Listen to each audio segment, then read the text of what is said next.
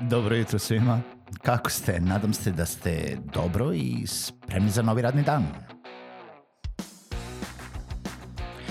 Pozdrav svima i dobrodošli na podcast Male pobede, stari novi podcast koji, well, koji je tu da bi vam kroz pitanje i savete dao motivaciju, pokrenuo vas u pozitivnom smeru i pomogao da ovaj dan počne bolje, jače i možda čak i zabavnije. Moje ime je Željko Crnjaković.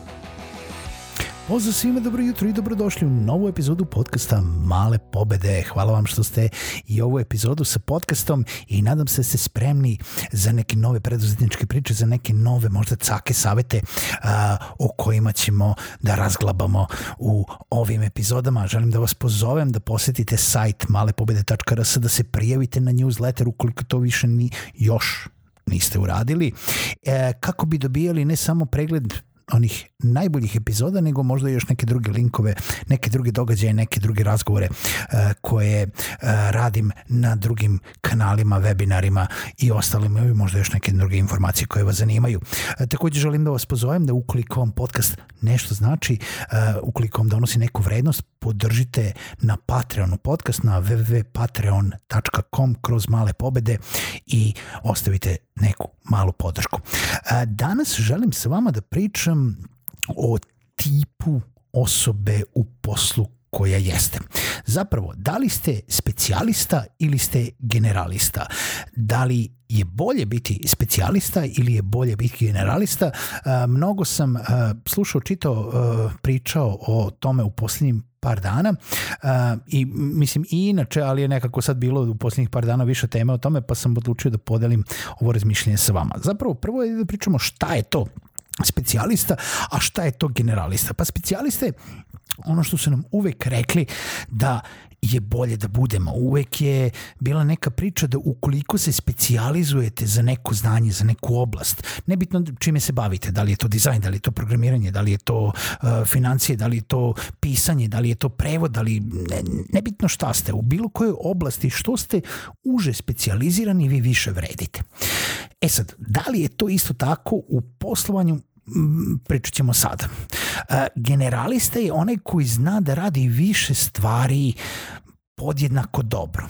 Ili ajde kažemo onaj koji može da radi i marketing, ali možda može da radi i dizajn, ali možda može da radi i jedno i drugo i treće, naravno ne na nivou kao specijalista. Specijalista recimo da kažemo da su neki seniori, ovo je neki priučeni, ne, mislim ja na primjer sam neki možda generalista koji mo, mogu da postavim neki osnovni WordPress sajt, ali znam marketing, znam biznis, znam um, možda da pričam u mikrofon, znam da produciram podcast, ali neću sad, mislim, znam da radim audio produkciju, ali neću raditi audio produkciju, na primjer, za gospodara prstenova i, ili ono tipa ozvučenje nekog velikog orkestra. Ali mogu da radim neku manju produkciju i mogu da vam pomognem kako da kreirate vi svoj podcast i tako dalje. E sada, uh, možda odgovor na ovo pitanje da li je bolje biti specijalista ili generalista zavisi od toga uh, u koncepta, tačnije uh, mesta gde se vi trenutno nalazite. Nekada kada je bilo više rečeno o tome da li je bolje biti specijalista ili generalista, nekada su bila drugačija vremena. Nekada nije bilo toliko tržišta jel da, sa, sa novim tehnologijama, sa modernim tehnologijama, sa modernim povezanim svetskim tržištom, vi imate mnogo više konkurencije. Dok nije bilo toga, možda je bilo lakše e, raditi sve i svašta i još uvek dobro prolaziti. Možda je bilo lakše biti generalista i, e, i dalje imati veliki uticaj na svoju okolinu. E, sa većom konkurencijom ljudi se su počeli morali su više da se specijaliziraju. Što su više bili stručniji u nečemu, to su bili na neki način vrednovani više. Mogli su više da naplate svoje usluge, mogli su više da naplate svoje vreme, mogli su da budu jel da, e, stručnjaci u toj oblasti neprekosnovenih srazmera. E sada, Isto tako možemo sada da kažemo da je pozicija u kojoj se vi nalazite uh, veoma ključna za to da li ćete odabrati da budete specijalista ili generalista. I za sada znam da sve zvuči da je bolje da budete specijalista. Zapravo, ukoliko se nalazite u nekoj velikoj firmi, to jest ako ste zaposleni u nekoj uh, većoj kompaniji, većem timu, koji uh, ima mnogo departmana, mnogo uh, ljudstva, vaša najbolja šansa da ostvarite veći uspeh jeste da se specijalizujete. Bićete više vrednovani u kompaniji, moći ćete da uh, radite stvari koje većina drugih ne mogu da rade i više ćete doneti vrednosti vašem timu, vašem departmanu i vašoj kompaniji kao usko specijalizovani specijalista. Mislim, zvuči ovaj nakaradno, ali tako je.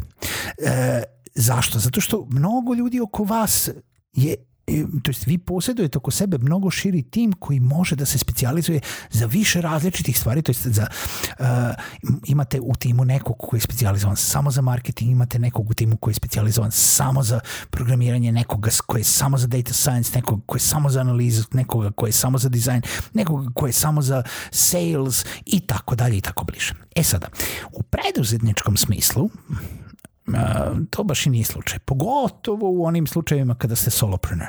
A solopreneur su oni samostalni preduzetnici, jel da, kao što većina nas malih preduzetnika i jeste. Ili ako se nalazimo u nekim malim timovima. Znači, ne samo solopreneur, solopreneur svakako su svaštare. Mislim, mi smo ono kao tipa znamo sve. Mi smo unikorni sami po sebi.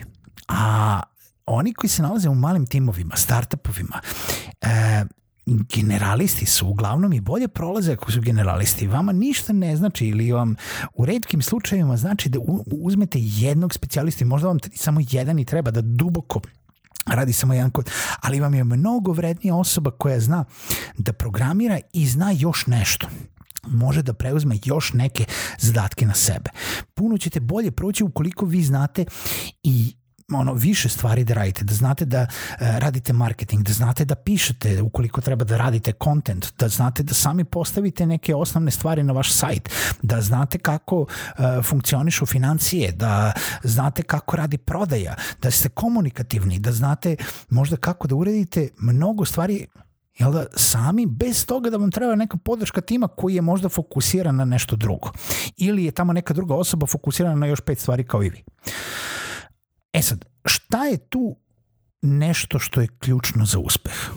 Zašto ne biste razmotrili činjenicu da budete a, specijalizovani generalisti ili da budete a, generalisti koji se ili specijalisti koji se specijalizuju u više od jedne stvari.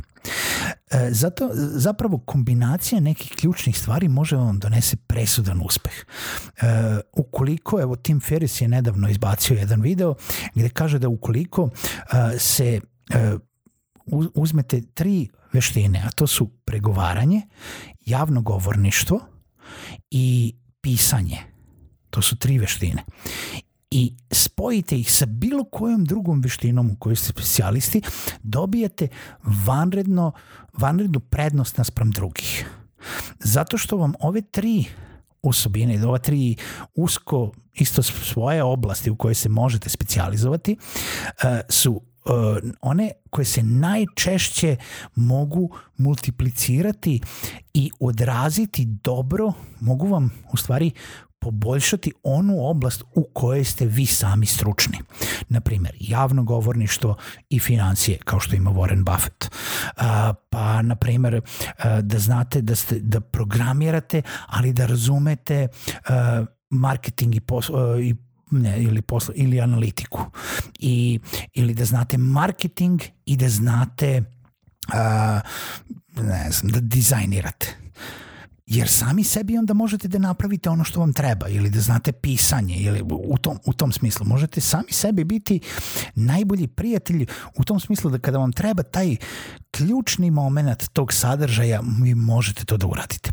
Tako da za one koji žele najbolje da prođu jeste opcija da se specijaliziraju ili da uzmu jednu stvar u kojoj su dobri, ali da prošire svoje vidike i da gledaju da ne budu specijalisti samo u toj jednoj oblasti kojima se bave, nego da uzmu još jednu ili dve oblasti i nakače na nju kao support sa kojom će proširiti ne duplo, triplo, nego puta deset svoj uticaj na jel da, uspešnost onoga čime žele da se bave. Razmislite o tome, a mala pobeda za danas jeste da otkrijete koje su to dve ili tri oblasti u koje bi vi mogli reći da ste ekspert pored svega ostalog što radite. Čujemo se u nekoj narednoj epizodi podcasta Male pobede.